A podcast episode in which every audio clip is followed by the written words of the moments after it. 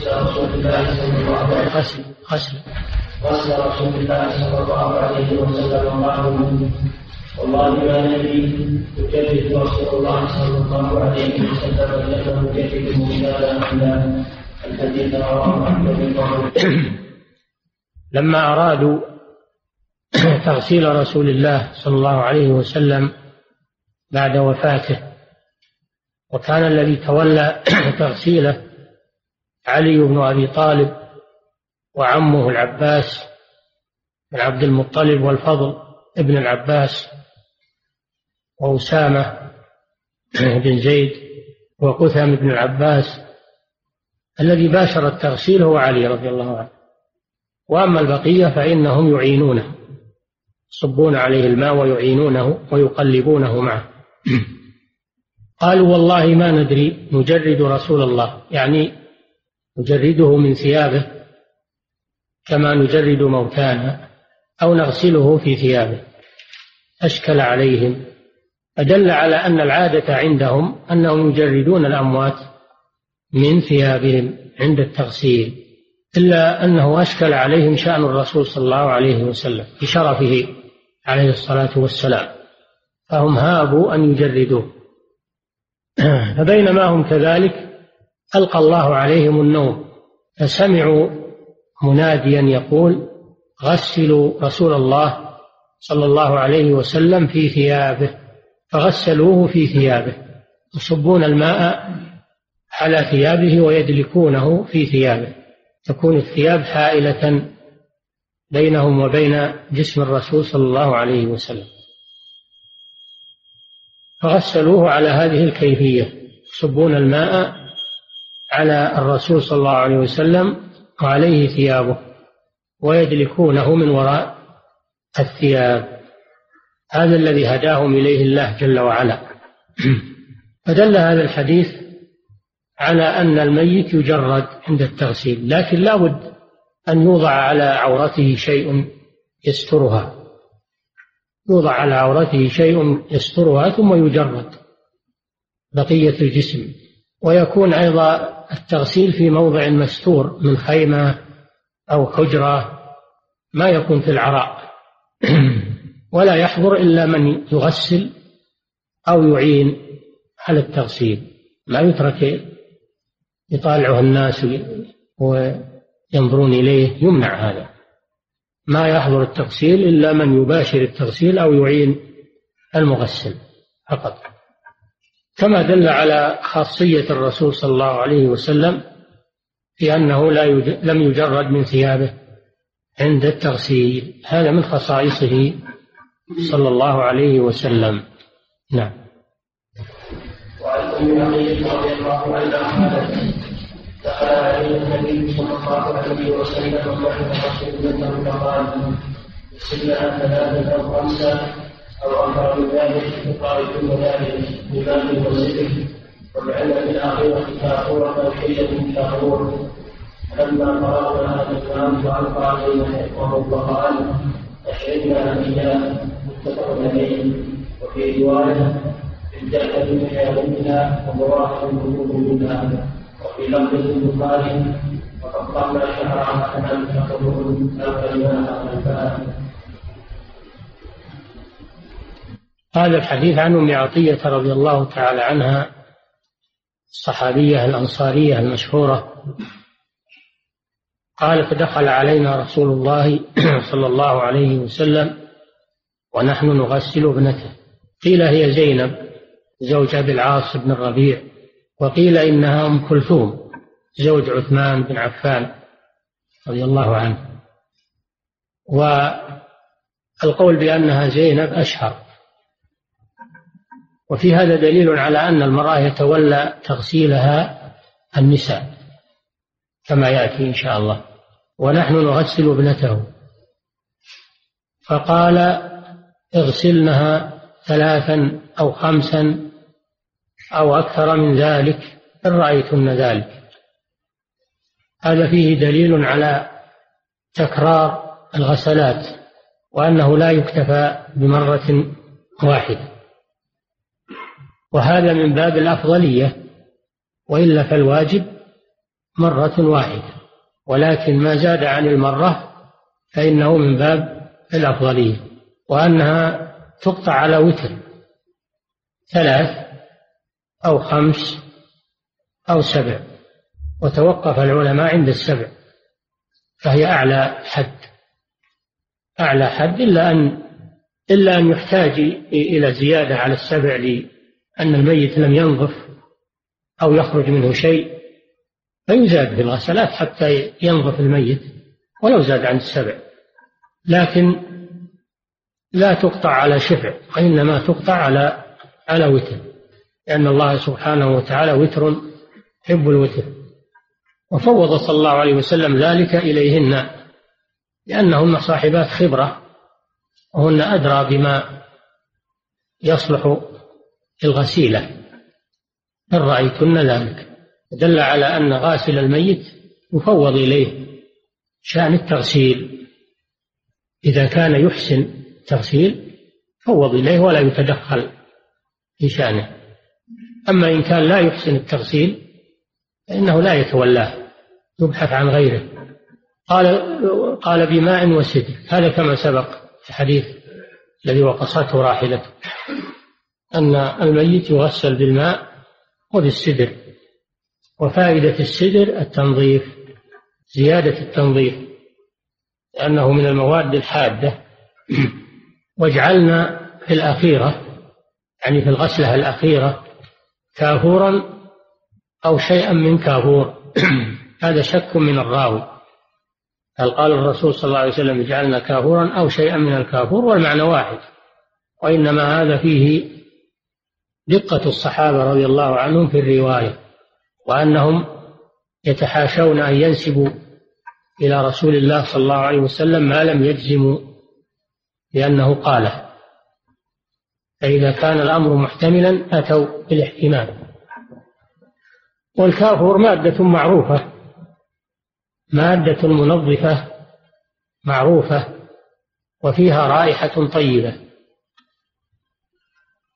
فتجعل في الغسلة الأخيرة من أجل أن تبقى رائحتها.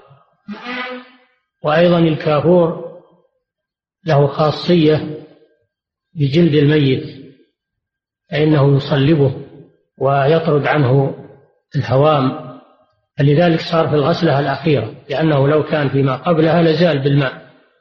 فيكون في الأخيرة من أجل أن يبقى أثره على جسم الميت من حيث الرائحة ومن حيث فائدته للجسم. قالت فلما فرغنا يعني من غسلها آذناه أي أعلمناه. في رواية أنه قال آذنني. يعني طلب منهن إعلامه. فآذناه أي أعلمناه. فألقى إلينا حقوه أو حقوه بالفتح وهو إزاره إزاره. وحقو الإنسان معقد الإزار. ثم أطلق الحق على الإزار من باب التوسع.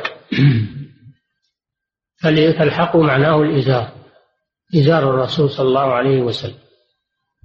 ألقاه إليهن إليهن وقال أشعرنها إياه أي اجعلنه مما يلي جس مما يلي مما يلي جلدها جسمها وذلك تبركا به لما فيه من مماسة جسم الرسول صلى الله عليه وسلم والتبرك بما لامس جسده الشريف مشروع كما أنه يتبرك بما انفصل من جسمه من شعر أو من ريق أو من عرق لأنه صلى الله عليه وسلم مبارك. وهذا خاص به صلى الله عليه وسلم كما سبق غير مرة. أن التبرك بالشخص أنه خاص بالرسول صلى الله عليه وسلم فلا يتبرك بغيره من العلماء والصالحين لأن لأن الصحابة لم يفعلوا هذا مع غير النبي صلى الله عليه وسلم. لم يفعلوه مع أبي بكر وهو أفضل الأمة ولا مع عمر ولا مع الصحابة الذين لهم سابقة في الإسلام ولهم فضل عظيم ما فعلوا هذا. وإنما فعلوا هذا مع النبي صلى الله عليه وسلم خاصة فدل على اختصاص التبرك به صلى الله عليه وسلم.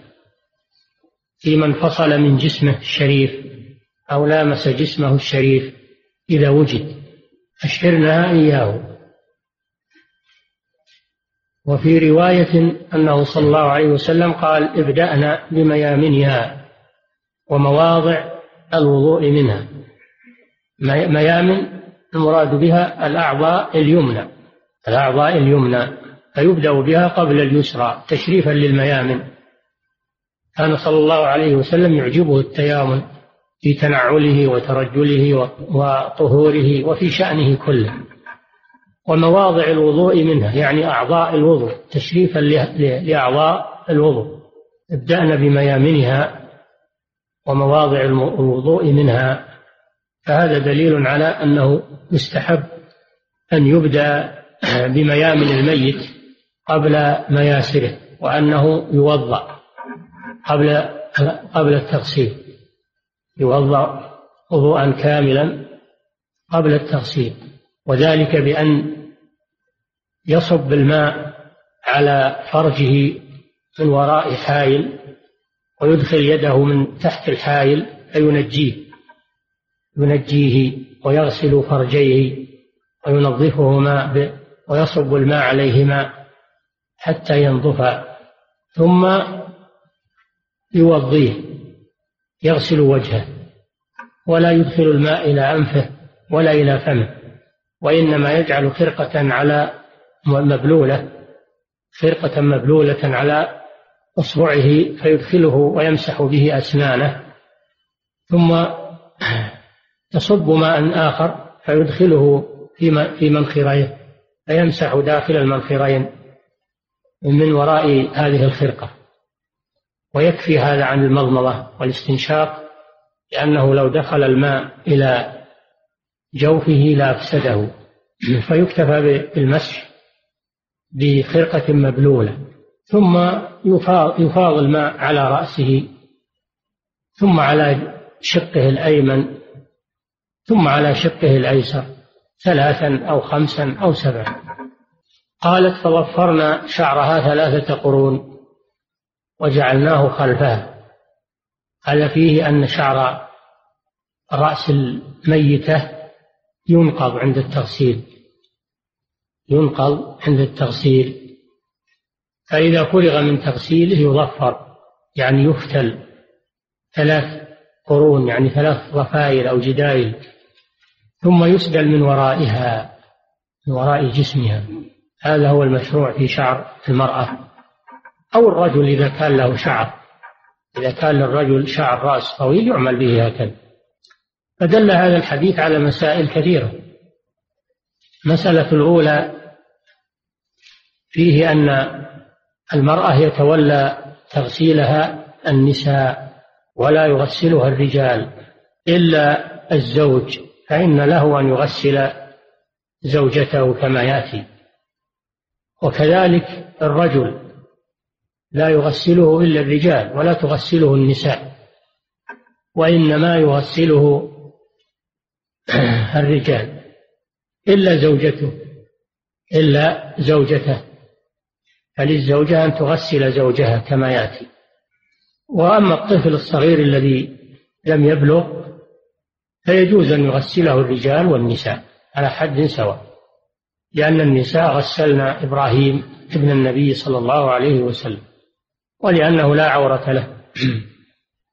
فالصغير الذي دون البلوغ يغسله الرجال أو النساء. أما البالغ فالرجال يغسلهم رجال والنساء يغسلهم نساء إلا ما بين الزوجين بعضهما مع الآخر. هذه المسألة الأولى. المسألة الثانية في الحديث تعليم المغسل كيفية التغسيل. إذا كان يحتاج إلى إلى توجيه فإن النبي صلى الله عليه وسلم وجه المغسلات كيف يغسلن الميت. فدل على أنه يجب على المغسل أن يكون على علم بكيفية التغسيل لأن هذا عبادة فلا بد من معرفة كيفيتها. المسألة الثالثة في الحديث دليل على تكرار الغسلات إلى ثلاث أو إلى خمس أو إلى سبع ويكون ذلك بحسب نظر الغاسل ويعمل ما يرى أنه الأصلح للميت. المسألة الرابعة في الحديث دليل على التبرك بآثاره صلى الله عليه وسلم المنفصلة من جسده الشريف من ثياب وشعر وعرق وريق كل ذلك يتبرك به من الرسول صلى الله عليه وسلم وأن هذا خاص به عليه الصلاة والسلام. المسألة الخامسة في الحديث دليل على استحباب البداءة بتوضئة الميت وضوءا كاملا والبداءة بميامن جسمه. وهذا من سنن التغسيل. هذا من سنن التغسيل. المسألة السادسة الحديث دليل على استعمال المواد المنظفة مع التغسيل. مواد المنظفة مع التغسيل. كالسدر والإشنان الصابون وكل ما ينظف من المواد المعروفة. المسألة السابعة في الحديث دليل على استعمال الكافور. وأنه يكون في آخر غسلة من أجل أن يبقى أثره على الميت لما فيه من الرائحة ولما فيه من تصليب الجسم حتى لا يسرع إليه التحلل والفساد. المسألة الثامنة الحديث دليل على ما يصنع بشعر المرأة. أو الرجل إذا كان له شعر طويل أنه يضفر ثلاث ضفائر ويجعل من وراء الميت. قالوا ولا يجوز حلق عانة الميت ولا يجوز قص شاربه ولا قص أظفاره بل يترك ولا يجوز ختنه إذا كان غير مختون بل يترك على ما هو عليه لأن هذه أجزاء من جسمه. هذه أجزاء من جسمه فلا تفصل ما تفصل عنه.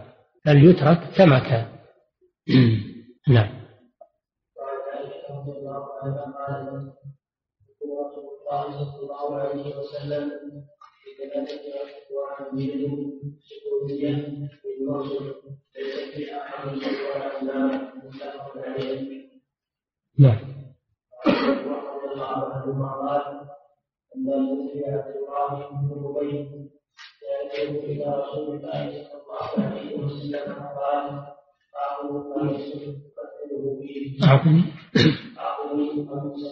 فأكله فيه منه فيه فأعطاه عليه هذان الحديثان في موضوع كفن الميت. الحديث الأول فيه أن النبي صلى الله عليه وسلم كفن في ثلاثة أثواب. يعني ثلاث لفائف. ثلاثة أثواب يعني ثلاث لفائف بعضها فوق بعض. أدرج فيها النبي صلى الله عليه وسلم إدراجا. ثلاث لفائف يبسط. تبسط بعضها فوق بعض. ثم يدرج فيها إدراجا. ثلاثة أثواب يعني ثلاث لفائف. بيض هذا فيه دليل على اختيار البياض. وأن يستحب أن يكون الكفن من اللون الأبيض. هذا من باب الأفضلية. وإن لم يتيسر الأبيض يكفن بأي شيء تيسر لكن إذا تيسر الأبيض فهو أفضل. السحولية نسبة إلى سحول قرية في اليمن تنسج الثياب تنسج الثياب فأضيف إليها قيل سحولية. من كرسف يعني من قطن. من الكرسف يعني من القطن. ليس فيها أي في هذه الأثواب قميص ولا عمامة. ليس فيها قميص يعني ليس فيها ثوب مخيط على شكل الثوب. وليس فيها عمامة على الرأس. بل إنه صلى الله عليه وسلم وضع على هذه اللفائف وهي مبسوطة بعضها فوق بعض وضع عليها صلى الله عليه وسلم ثم ردت أطرافها عليه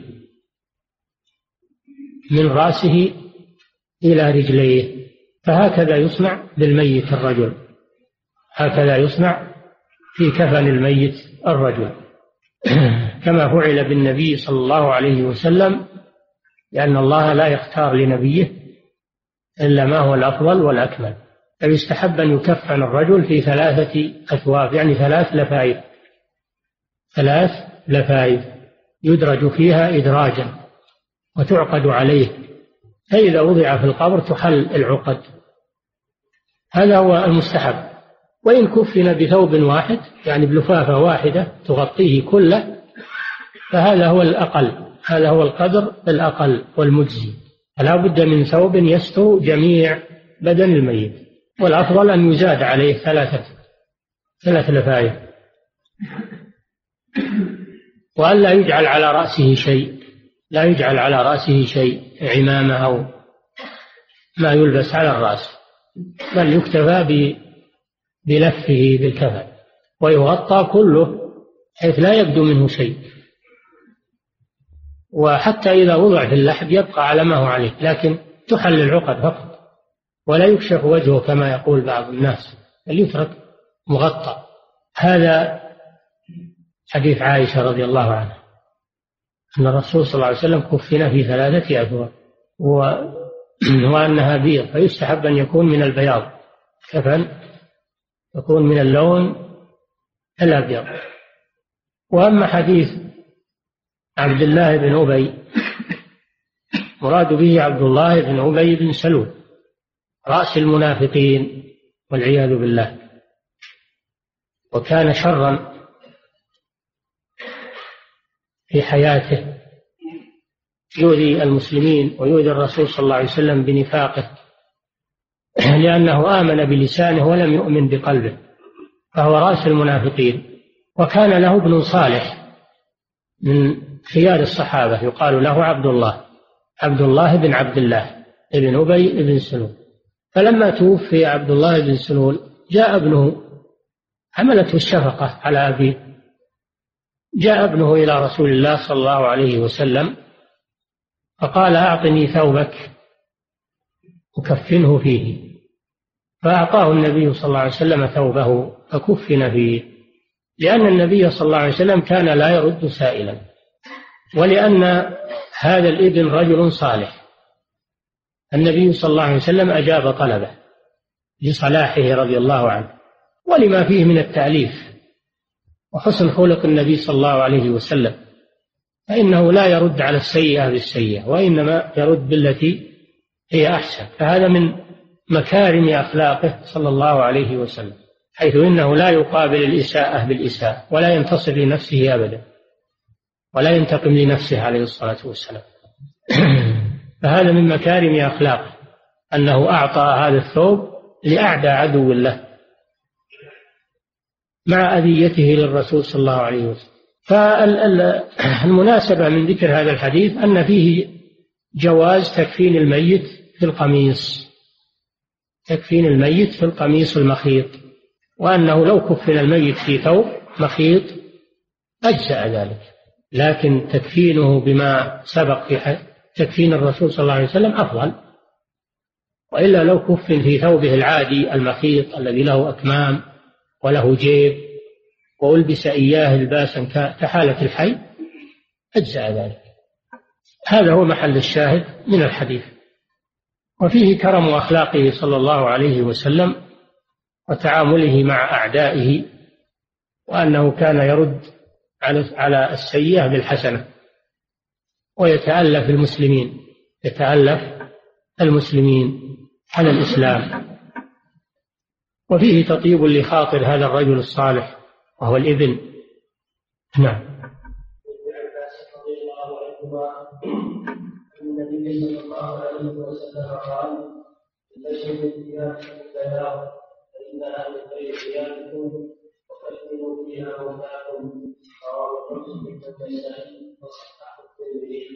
هذا كالحديث الذي سبق حديث عائشة أن النبي صلى الله عليه وسلم كفن في ثلاثة أثواب بيض ففيه استحباب اختيار اللون الأبيض في اللباس في حالة الحياة واختياره في تكفين الأموات فهو أفضل للرجال أفضل الألوان للرجال البياض لأن النبي صلى الله عليه وسلم قال البسوا من ثيابكم البياض وكفنوا فيه موتاكم.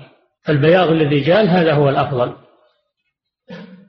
في حالة الحياة وفي حالة الموت للرجال والنساء. كفن الرجال والنساء بالبياض. هذا هو الأفضل. ولو لم يوجد البياض وكفنوا في قماش آخر غير لون البياض جاز ذلك. نعم. قال رسول الله صلى الله عليه وسلم إذا كفن أحدكم أخاه إذا كفن أحدكم أخاه فليحسن كفن هذا فيه الحث على تحسين الكفن وذلك من وجهين. الوجه الأول أن يختار له الكفن الأحسن من البياض كما سبق ويختار أيضا الضافي على الميت. والوجه الثاني أيضا يحسن تكفينه. يحسن كيفية التكفين بأن يكفن الميت تكفينا حسنا بحيث آه، يضع الكفن على جسمه ويغطيه به على الكيفية الشرعية. فتحسين الكفن يتناول المسألتين مسألة اختيار النوع الذي يكفن به والقماش الذي يكفن به ويتناول تحسين الكيفية التي آه، ينفذ فيها تكفين الميت. وفي مضمونه النهي عن إساءة عن إساءة الكفن عن إساءة الكفن نوعا وكيفية نوعا وكيفية. نعم. النبي صلى الله عليه وسلم يجمع بين قلبيه قلب واحد ويقول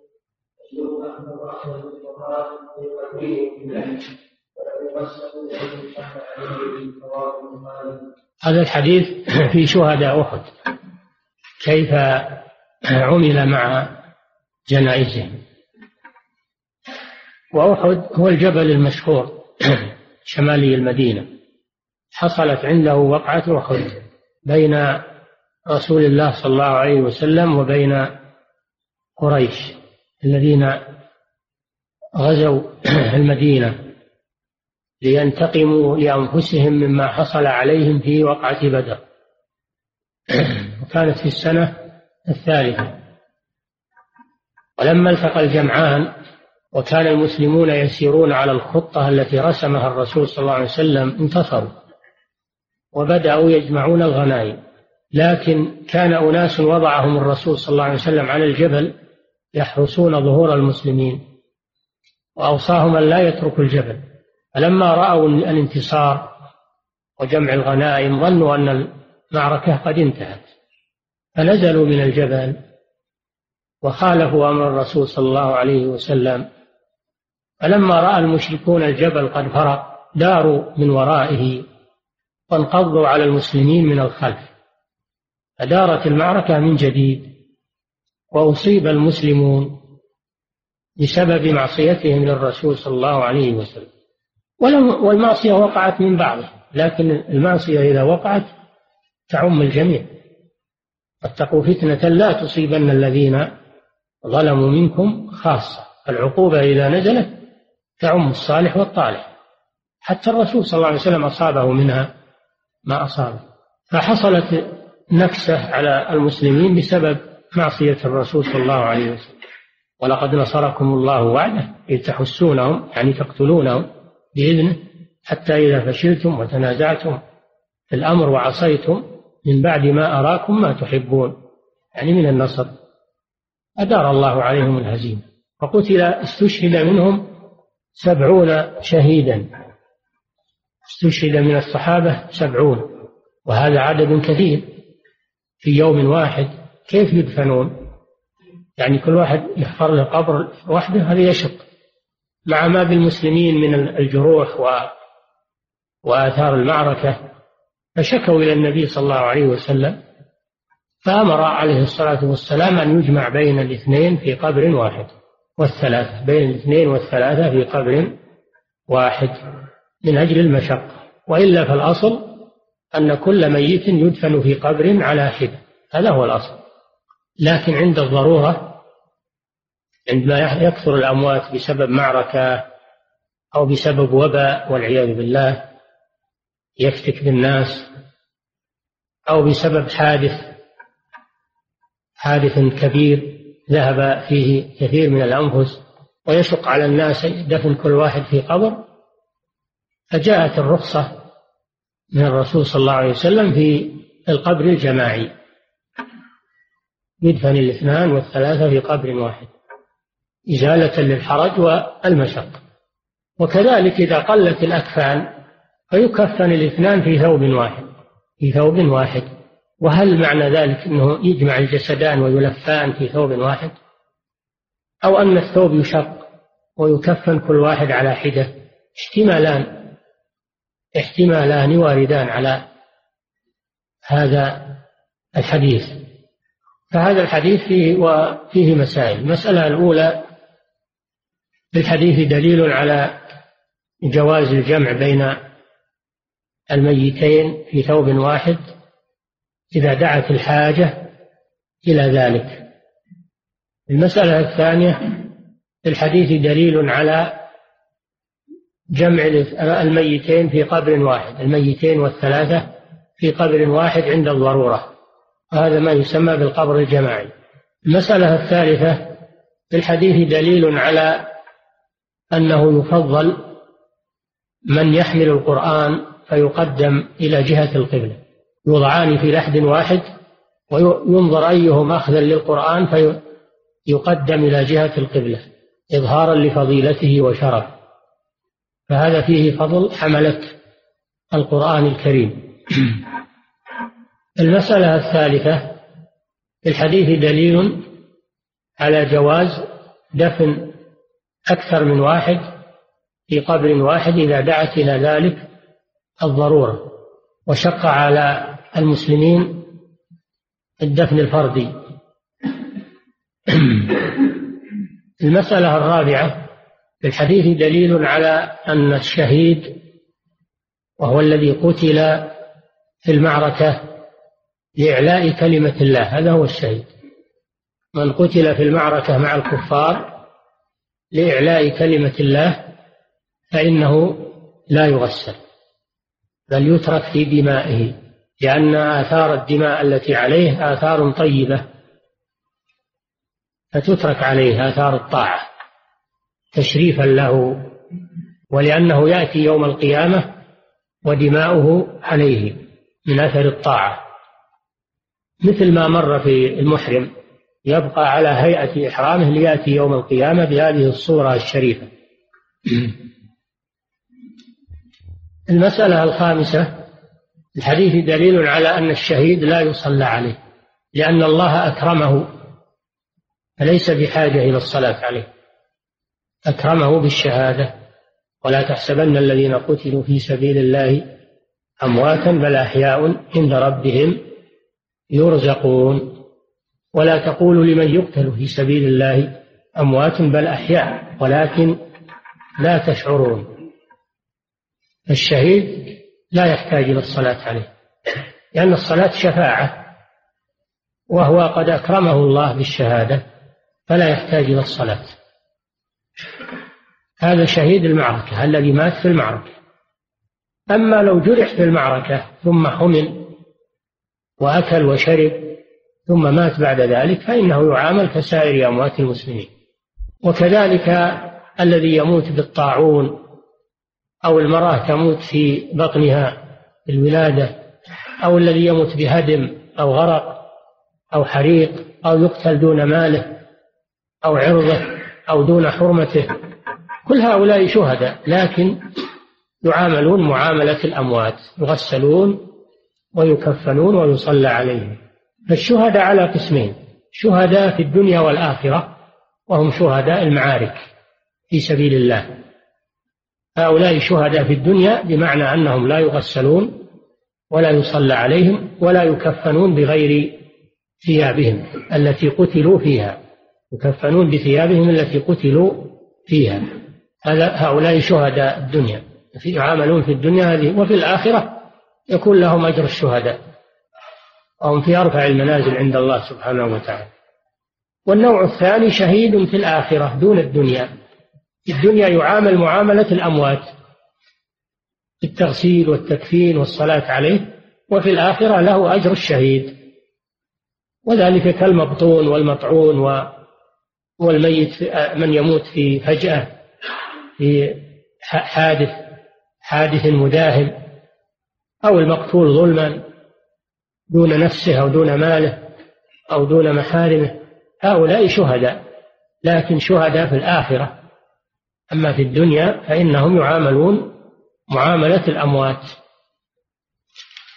قالوا وهناك نوع ثالث وهو شهيد في الدنيا فقط دون الآخرة وهو الذي قتل في المعركة مع الكفار لكن نيته لا ينوي وجه الله وإنما يريد طمع الدنيا أو يريد المال أو الفخر فهذا يعامل معاملة الشهداء لأن ما يظهر لنا نحن نبني على الظاهر لكن هو عند الله ليس بشهيد فليس هو شهيدا في الآخرة. إذا الشهداء على ثلاثة أقسام شهيد في الدنيا والآخرة شهيد في الآخرة دون الدنيا شهيد في الدنيا دون الآخرة. نعم.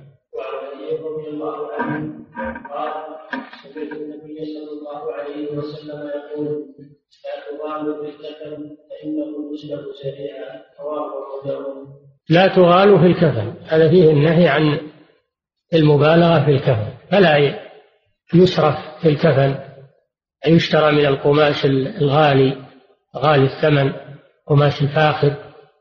هذا لا حاجة إليه. والميت ليس بحاجة إليه. وإنما يكون الكفن من المتوسط لا من الردي ولا من الغالي. الميت ليس بحاجة إلى المفاخرة ولا إلى المغالاة. وأيضا هذا الكفن سيذهب سريعا سيفنى ويبلى قريبا عن المبالغة في شراء الأكفان مرتفعة الثمن فإنه يسلب سريعا بمعنى يفنى. سريعا فيكون المغالاة فيه من باب العبث الذي لا فائدة فيه. نعم.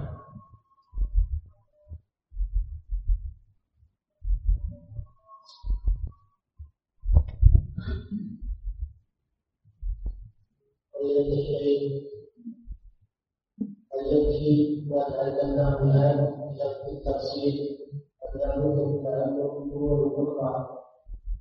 إذا كنت عرفت ما في هذه الأحاديث وفهمته يكفي إن شاء الله. لا نقول إن ما في الأحاديث لا يكفي. يكفي بإذن الله. لكن بشرط أن تكون قد فهمته.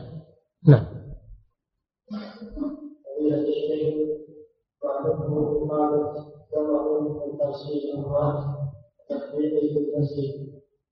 لا يحتاج إلى هذا التكلف ولا يحتاج دورات وتطبيقه في المسجد. هذا كله من المبالغة. نعم.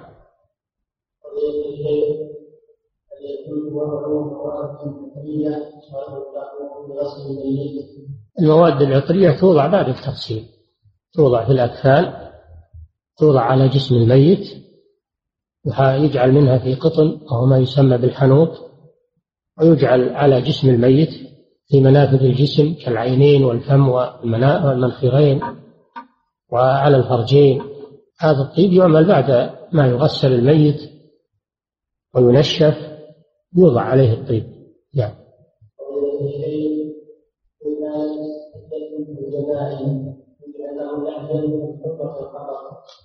لابد من اللحد. لابد من اللحد. ما يجوز انه يجعل حفرة ويهال عليهم التراب على اجساده لابد من لحد ولا شق. يجعل فيه الميت ثم يغلق يغلق عليه ثم يدفن. نعم.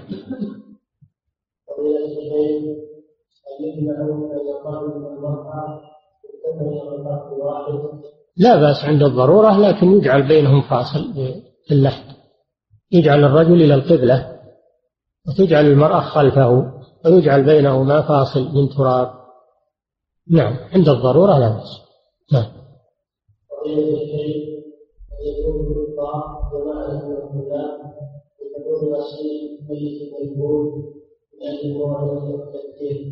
لا الميت ما يحضره إلا الغاسل ومن يعينه والطلاب يمكن يعلمون بدون يشرح لهم يشرح لهم كيفية التغسيل بدون أنهم يرون الميت. نعم. واللي ما هو فاهم بالشرح ما هو فاهم هذا يترك جاب غيره. نعم.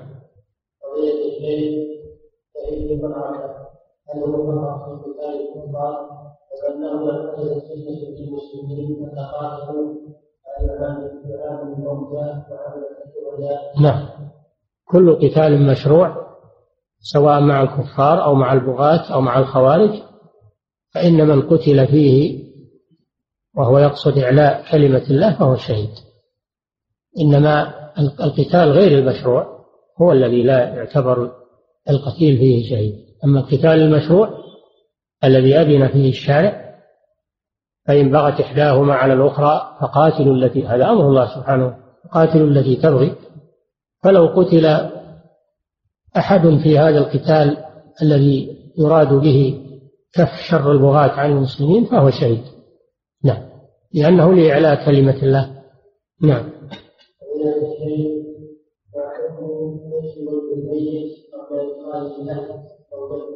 بعد ما يكفن لا يكشف وجهه لا في اللحد ولا في غيره أما قبل تكفينه فلا بأس من كشف وجهه وتقبيله كما مر بكم أن أبا بكر رضي الله عنه كشف عن وجه النبي صلى الله عليه وسلم وهو مسجى فقبله.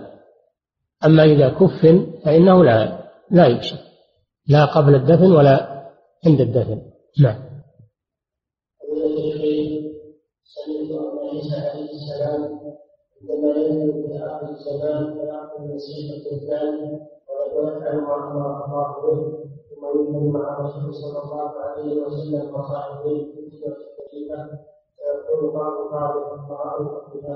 نعم هذا مذكور. هو ورد هذا وهو مذكور في كتب العقائد الله أعلم.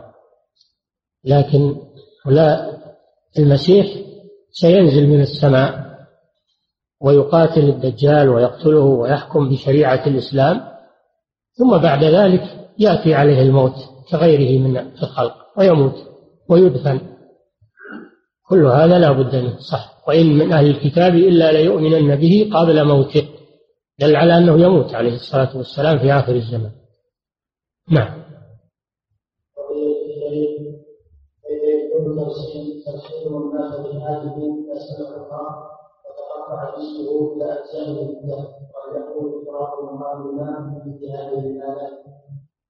هذا يجمع لحمه وتجمع قطعه تلف في لفافة أو يصلى عليه ويدفن. وإذا أمكن صب الماء عليه على هذه القطع المجموعة يصب عليها الماء يصب عليها الماء. وإذا ما أمكن تمزق لو جاء الماء تمزق لا يصب عليها ماء نعم.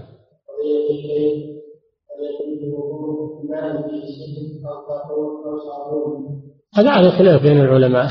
الماء إذا خلط بمادة طاهرة هل تسلبه الطهورية أو لا؟ على خلاف. والصحيح أنه إذا كان التغير يسيرا لم يسلبه اسم الماء أنه طهور. أما إذا سلب اسم الماء وصار الغالب عليه المادة المخالطة فلا يقال هذا ماء وإنما يقال هذا هذا شاهي مثلا. وضع فيه شاي وصار أحمر. قال هذا شاهي ما يقال ماء. أو وضع عليه لبن وصار لبن ما يقال هذا ماء. غلب عليه اللبن. فسمي باسم آخر. فهذا لا يطهر. لأنه تحول من اسم ماء إلى اسم آخر. بسبب أنه تغلب عليه ما خلط معه. أما ما دام اسم الماء باقيا والخليط طاهر فإنه لا يسلبه الطهورية على الصحيح. نعم.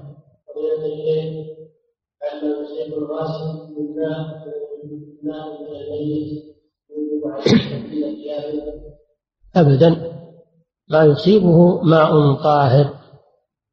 ماء طاهر. لأن جسم الميت طاهر. الميت لا ينجس بالموت.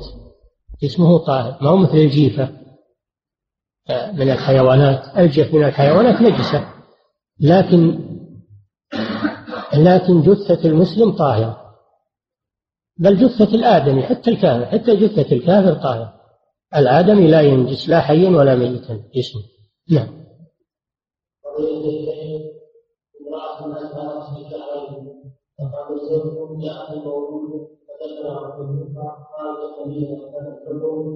إذا كان ما له إلا شهرين ما له حكم هذا.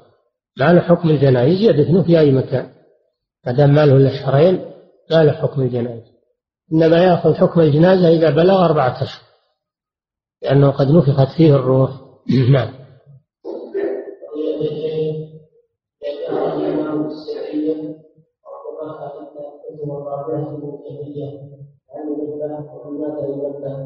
الجهر والإصرار سنة. فإذا جهر ناسيا فلا شيء عليه. وإذا نبه لو قدر أن واحد يقول ولا تجهر بصلاتك يجيب آية تنبه يمكن لا بأس بذلك. نعم.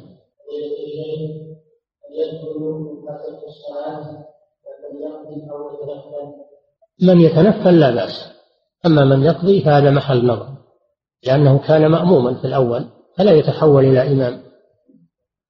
أما من كان من بداءته وهو منفرد ثم دخل معه آخر صاروا جماعة هذا لا بأس به. نعم. لا ما لا ما يضر. لأن النبي صلى الله عليه وسلم قام يصلي من الليل فقام ابن عباس وكان طفلا صغيرا عند خالته ميمونة فتوضأ وقام إلى جنب النبي صلى الله عليه وسلم عن يساره فأداره إلى يمينه هذا دخل مع الرسول في أثناء الصلاة.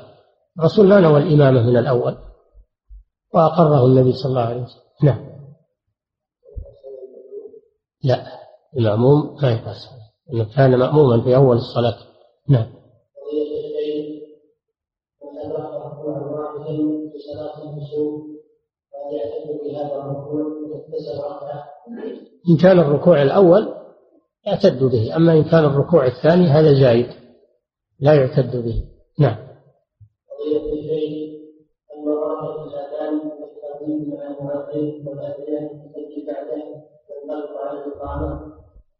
نعم ينطبق على الإقامة. إذا تابعت الذي يقيم هذا شيء طيب.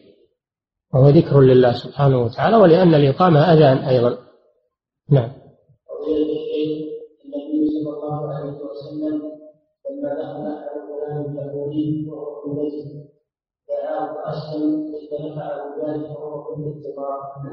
عليه ما بلغت الروح الغرغرة.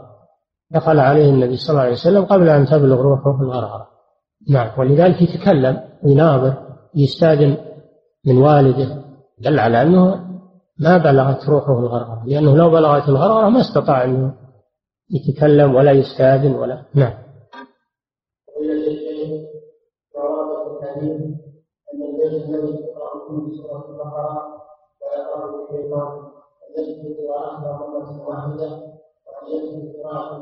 لها قراءة. نسجل ما يكفي ما هو بقراءة. نسجل إنما هو ترديد صوت صدى. ما هو بقاري والقراءة عبادة لا بد يقوم بها مؤمن شخص.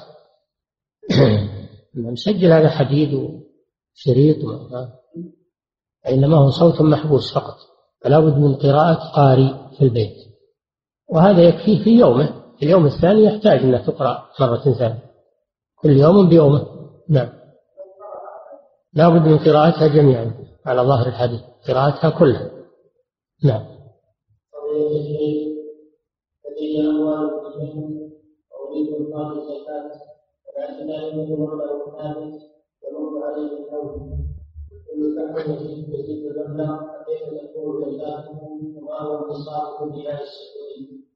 إن كانت الزيادة ربح لهذا المال فالربح يتبع الأصل حوله حول أصله. أما إن كانت الزيادة لا هي بربح وإنما هي شيء آخر فالذي يسهل على الإنسان أنه يحدد شهر من السنة كشهر رمضان مثلا يزكي كل ما عنده ما تم حوله وما لم يتم حوله إلى رمضان الآخر وهكذا هذا أسهل على الإنسان وأبرأ للذمة نعم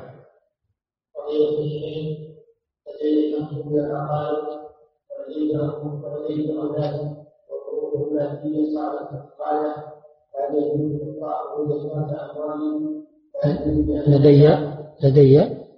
لدي شخص من الأقارب ولدي أولاد وظروفه المادية صعبة إلقاء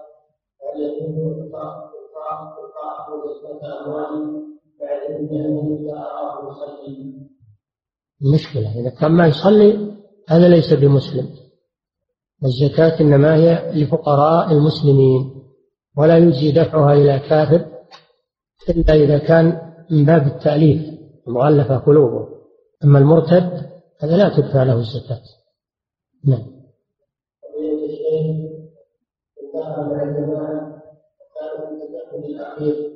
فلم يكن شيئا من الصلاة أن التشهد وصلى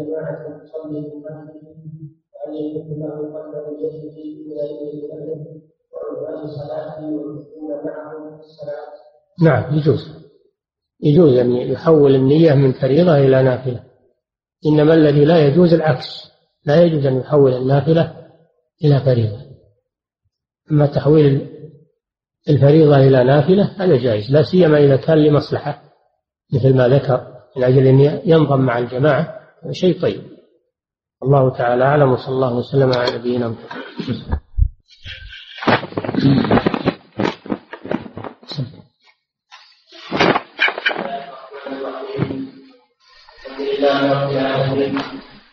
وصلى الله وسلم على نبينا محمد وعلى اله وصحبه اجمعين اما بعد قال رحمه الله تعالى وعن عائشه النبي صلى الله عليه وسلم. قال لها وكنت قبل سلمت الحديث رواه احمد بن مالك وصححه ابن حبان قال اسماء بن عمر رضي الله عنها. أن فاطمة رضي الله عنها أوصت لوصلها عنه رضي الله تعالى عنه رواه الدارقطني وعن هريرة في قصة الغامدية التي أمر النبي صلى الله عليه وسلم بها الزنا قال ثم أمر بها فصلي عليها ودفنت رواه مسلم. وعن جابر بن سمرة رضي الله عنه قال أتي النبي صلى الله عليه وسلم برجل حتى نفسه بمشاقص بمشاقص فلم يصلي عليه. رواه مسلم. وعن أبي هريرة رضي الله عنه في قصة المراه التي كانت تقوم المسجد فسأل عنها النبي صلى الله عليه وسلم فقالوا ماتت؟ فقال أفلا كنتم أدركوني؟ فكأنه صبر ربها فقال دلوني على قبرها فدلوني فصلى عليها متفق عليه. وزاد مسلم ثم قال إن هذه الأمور ممنوعة على أهلها وإن الله يغفرها لهم بالصلاة عليهم. وعن حذيفة رضي الله تعالى عنه أن النبي صلى الله عليه وسلم كان ينهى عن النعيم رواه أحمد والترمذي وحسنه وعن أبي هريرة رضي الله تعالى عنه أن النبي صلى الله عليه وسلم عن نجاشي اليوم الذي مات فيه وخرج فيه من المصلى فصف فيه وكبر عليه أربعة متفق عليه. وعن ابن عباس رضي الله عنهما قال سمعت النبي صلى الله عليه وسلم يقول ما من رجل مسلم يموت يمر على جنازته أربعون راكبا لا يشركون بالله شيئا إلا ما فعله الله فيه. رواه مسلم. وعن سمرة بن جبل رضي الله عنه قال صليت وراء النبي صلى الله عليه وسلم على امرأة ماتت في لباسها فقال وسطها متفق عليه. وعن عائشة رضي الله عنها قالت والله لقد صلى رسول الله صلى الله عليه وسلم على ابن بيضاء في المسجد رواه مسلم وعن عبد الرحمن بن أبي ليلى قال كان زيد بن ارقم رضي الله عنه يكبر على جنازته اربعه وإنه كبر على جنازه خمسه فسألته فقال كان رسول الله صلى الله عليه وسلم يذكرها رواه مسلم والأربعة.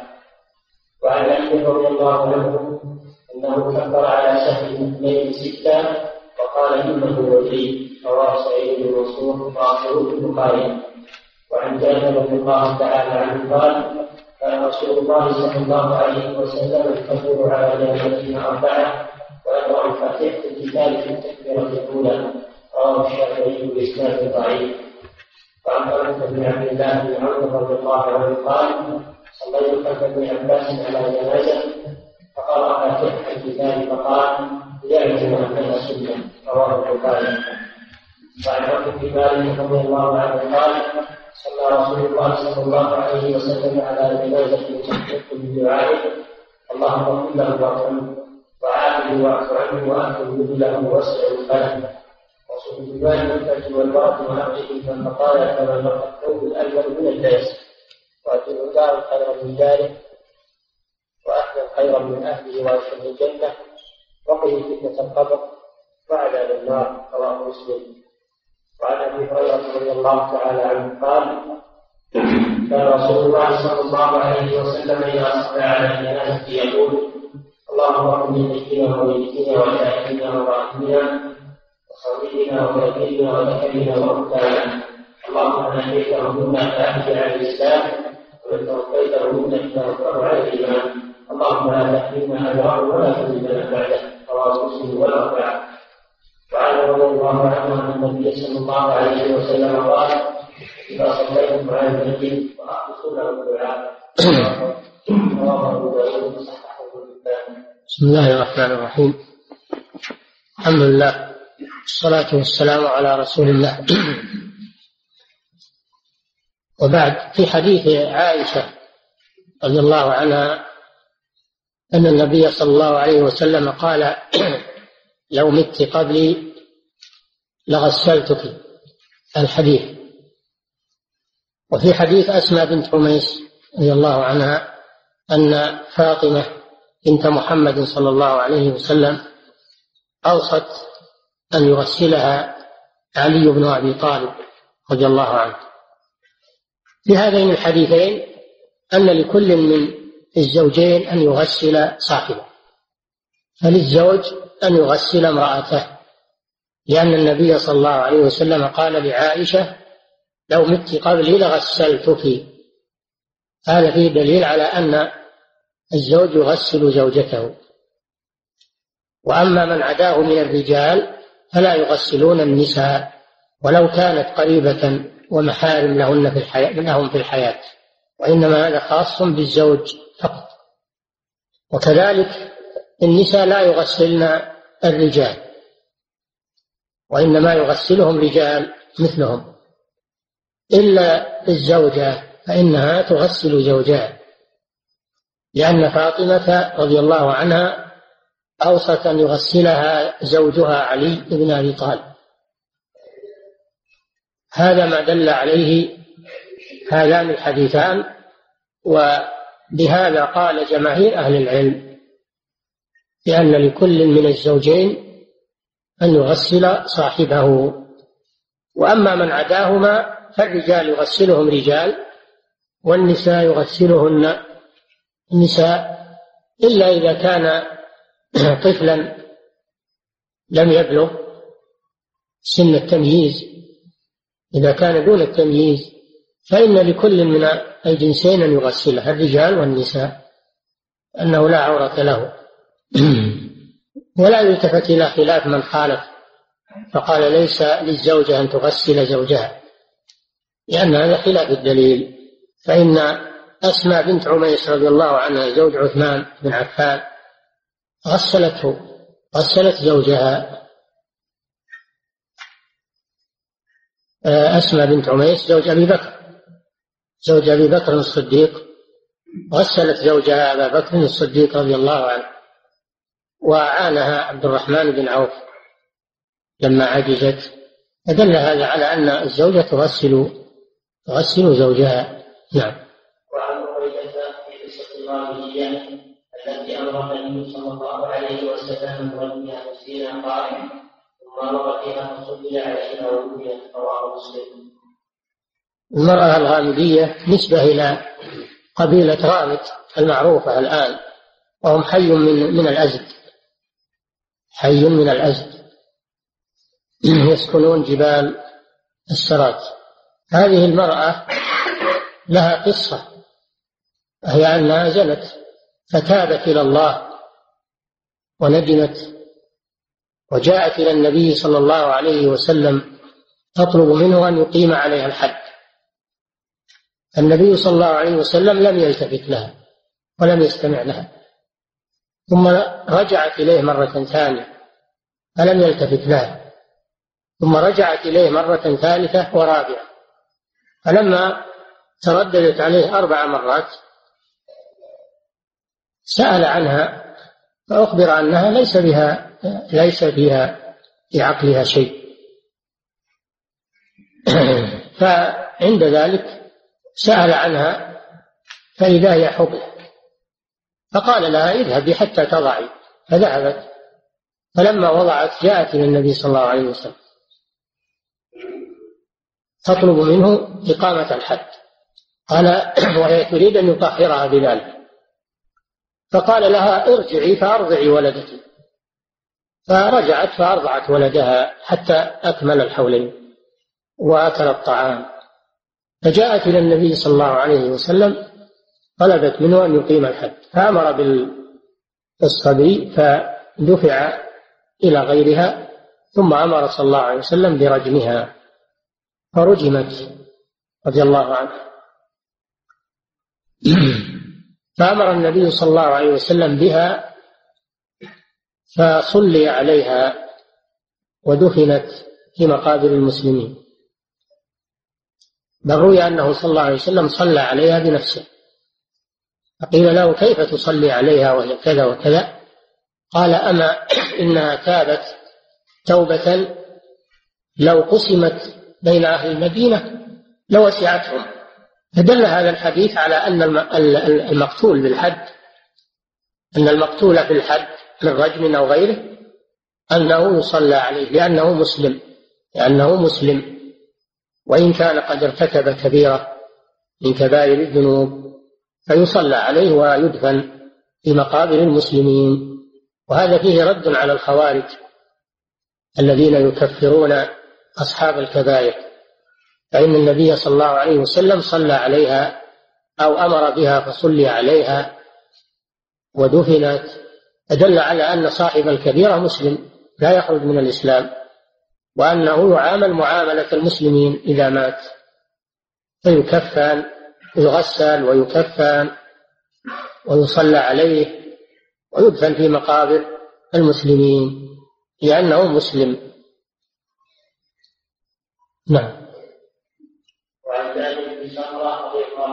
قال وفي النبي صلى الله عليه وسلم ورجل قتل نفسه فشاخص فلم يصلي عليه رواه مسلم أتي النبي صلى الله عليه وسلم برجل قد قد قتل نفسه بمشاقص. المشاقص جمع مشقص وهو الحديدة التي تكون في رأس الحربة أو في رأس الرمح. حديدة عريضة حادة تكون في رأس الرمح أو في رأس الحربة. هذا الرجل قتل نفسه. فقد حرم الله على المسلم أن يقتل نفسه. قال تعالى ولا تقتلوا أنفسكم. إن الله كان بكم رحيما. قال تعالى ولا تلقوا بأيديكم إلى التهلكة.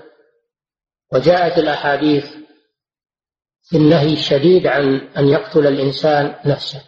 فقتل الإنسان نفسه كبيرة من كبائر الذنوب وعليها وعيد شديد وهو ما يسمى الآن بالانتحار. ما يسمى الآن بالانتحار. فلا يجوز للإنسان أن يقتل نفسه مهما أصابه من الشدة ومهما أصابه من الضيق.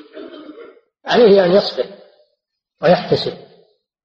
ولا يجوز له أن يقتل نفسه أن قتل نفسه أشد مما هو فيه من الضيق والشدة. فقاتل نفسه فاعل لكبيرة عظيمة من كبائر الذنوب. النبي صلى الله عليه وسلم لم يصلي على قاتل نفسه وهذا من باب الزجر والوعيد لأجل أن يرتدع الناس عن قتل أنفسهم.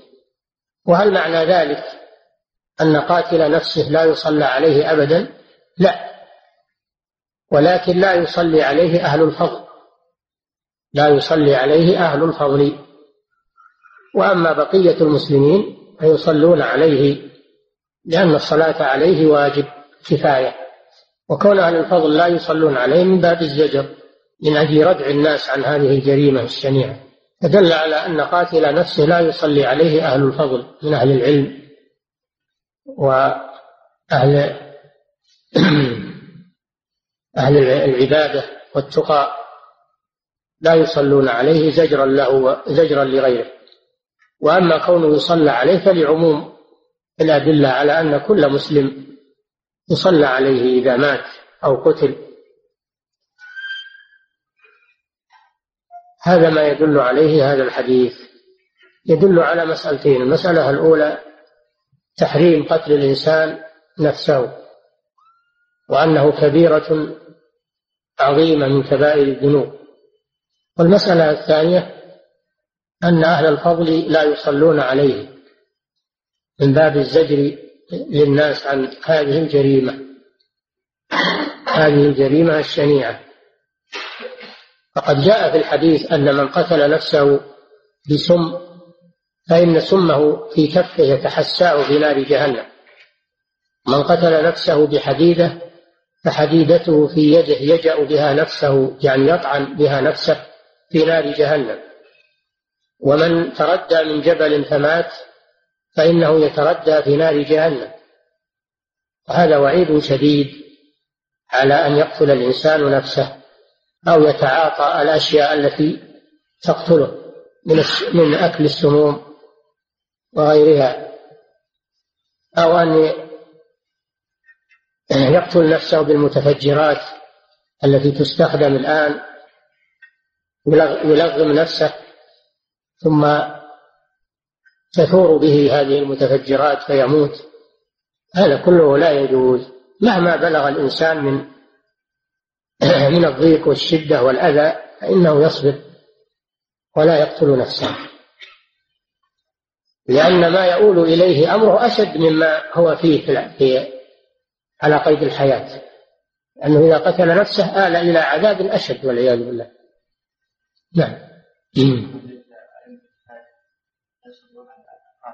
لا يصلون عليه لكن ما يصلي عليه القضاة وكبار أهل العلم ما يصلون عليه. نعم. وعن أبي هريرة رضي الله عنه في قصة المراه التي كانت تقوم المسجد فسال عن النبي صلى الله عليه وسلم فقالوا ماتت فقال أفلا مثل هذا الذنوب فكانهم صغروا أمرها فقالوا دلوني على قبرها فإنه صلى عليه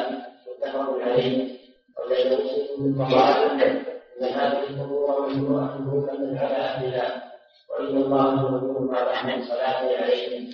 هذا الحديث في قصة المرأة أو الرجل على اختلاف الروايات التي تقم المسجد يعني تخرج منه القمامة. وهذا عمل جليل. خدمة المساجد وتنظيفها هذا عمل جليل وعمل صالح. فهذه المرأة قامت بعمل جليل وهي أنها تقوم مسجد الرسول صلى الله عليه وسلم.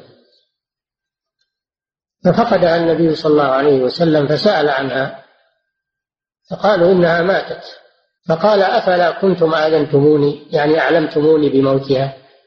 فكأنهم صغروا أمرها يعني لم يخبروا النبي صلى الله عليه وسلم لأنها عندهم صغيرة الشأن وخشوا أن يشقوا على النبي صلى الله عليه وسلم ويروى أنها ماتت بالليل وخشوا أن يشقوا أن يشقوا على النبي صلى الله عليه وسلم. فتولوها ودفنوها. فقال صلى الله عليه وسلم دلوني على قبرها أي أرشدوني إلى قبرها. فدلوه فصلى عليه على قبرها عليه الصلاة والسلام. ثم قال إن هذه القبور مملوءة ظلمة على أهلها وإن الله ينورها بصلاة عليهم يعني بدعاء بدعاء لهم. فهذا الحديث يدل على مسائل. أولا فيه فضل خدمة المساجد فإن هذه المرأة حازت على هذه المنقبة العظيمة بهذا العمل الجليل. المسألة الثانية في الحديث دليل على تفقد النبي صلى الله عليه وسلم لأصحابه والعناية بشأنهم وفيه وفي الحديث أيضا تواضعه صلى الله عليه وسلم. وفيه المسألة التي ساق المصنف الحديث من أجلها وهي الصلاة على القبر. لمن فاتته الصلاة على الجنازة. فمن فاتته الصلاة على الجنازة فإنه يصلي على القبر بعد دفنه. وهذا تشريع عام من الرسول صلى الله عليه وسلم وليس خاصا بهذه المرأة بل إنه صلى على عدة قبور عليه الصلاة والسلام على هذه وعلى غيرها في عدة وقائع. فلما كان غائبا وتوفي البراء بن معرور رضي الله عنه جاء النبي صلى الله عليه وسلم لما قدم سأل عن قبره فصلى عليه بعد شهر.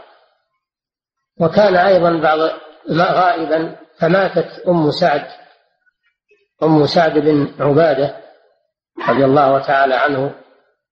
فلما جاء النبي صلى الله عليه وسلم صلى على قبرها. وتوفي شاب ولم يصلي عليه النبي صلى الله عليه وسلم فذهب وصلى على قبره. فالوقائع التي صلى فيها النبي صلى الله عليه وسلم على القبر كثيرة. ويدل على مشروعية الصلاة على القبر لأسباب إما أنه لم يصلي عليه قبل الدفن وإما أنه وجد ناسا يصلون عليه فيصلي معهم ولو كان قد صلى عليه قبل الدفن. يكون تابعا. أو أنهم طلبوا منه أن يؤمهم في الصلاة كونه أحسنهم. فيؤمهم ولو كان قد صلى عليه قبل الدفن. فإذا كانت الصلاة على القبر لسبب من الأسباب فلا بأس بذلك خصوصا إذا لم يكن صلى عليه قبل الدفن. واختلف العلماء رحمهم الله في المدة التي صلى على القبر. هل له مدة أو لا؟ يقول الإمام أحمد أكثر ما روي إلى شهر أكثر ما روي إلى شهر. فحدد الحنابلة الصلاة على القبر إلى شهر وذهب قوم إلى أنه يصلى عليه بدون تحديد. لأن التحديد لا دليل عليه. فيصلى على القبر مطلقا عند ما يكون هناك سبب للصلاة. سواء مضى له شهر أو أكثر أو أقل. لأن التحديد لا دليل عليه وهذا هو الصحيح. الصحيح أنه لا تحديد الصلاة على القبر. وقد بين صلى الله عليه وسلم الحكمة في صلاته على هذه المرأة وعلى غيرها من القبور لأنها مملوءة ظلمة على أهلها. فإذا دعا لهم النبي صلى الله عليه وسلم نورها الله لهم. فلهم ففي هذا فائدة للأموات. فائدة للأموات. حصول النور ببركة دعاء الرسول صلى الله عليه وسلم.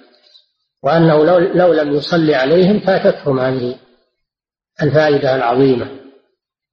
وفي الحديث شفقته صلى الله عليه وسلم بأمته وعنايته بهم. نعم.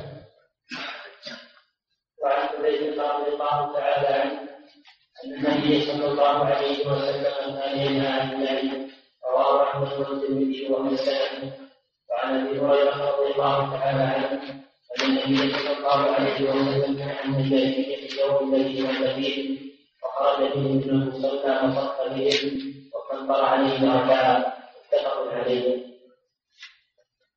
النعي هو الإعلام بموت الميت إعلام الناس بموت الميت هذا هو النعي.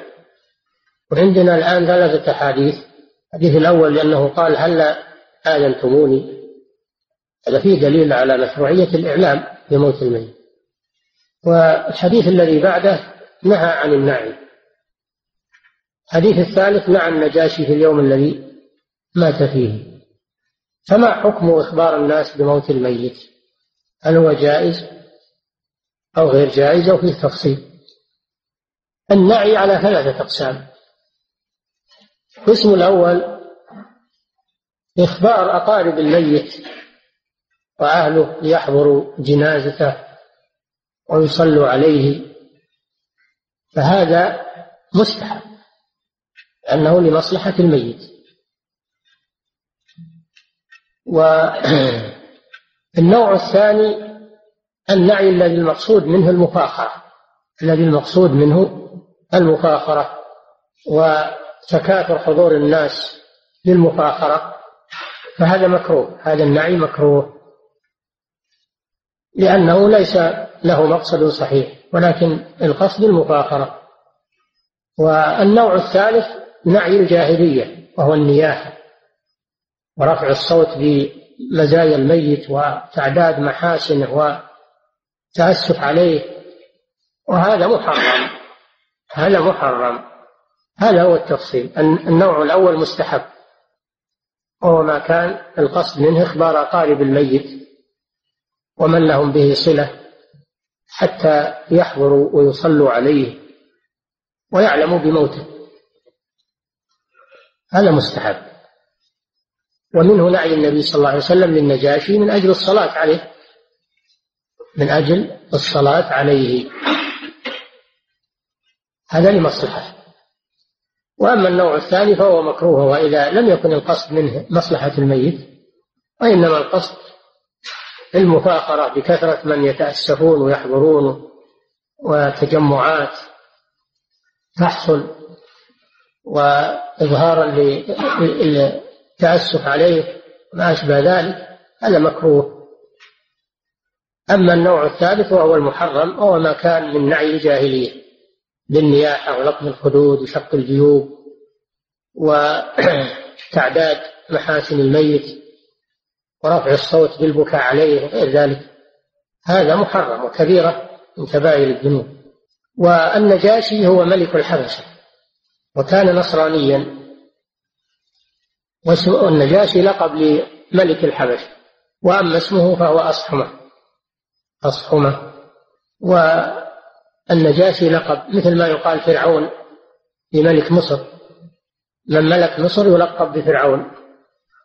ومن ملك الحبشة يلقب بالنجاشي ومن ملك اليمن يلقب بالقيل والأقيال الأقيال والقيل. ومن ملك الفرس يلقب بكسرى ومن ملك الروم يلقب بقيصر. هذه ألقاب النجاشي لقب من هذه الألقاب. وكان نصرانيا وكان ملكا عادلا لا يظلم أحد عنده. فلما ضغط المشركون على المسلمين في مكة أمرهم النبي صلى الله عليه وسلم بالهجرة إلى الحبش عند هذا الرجل العادل وكان نصرانيا.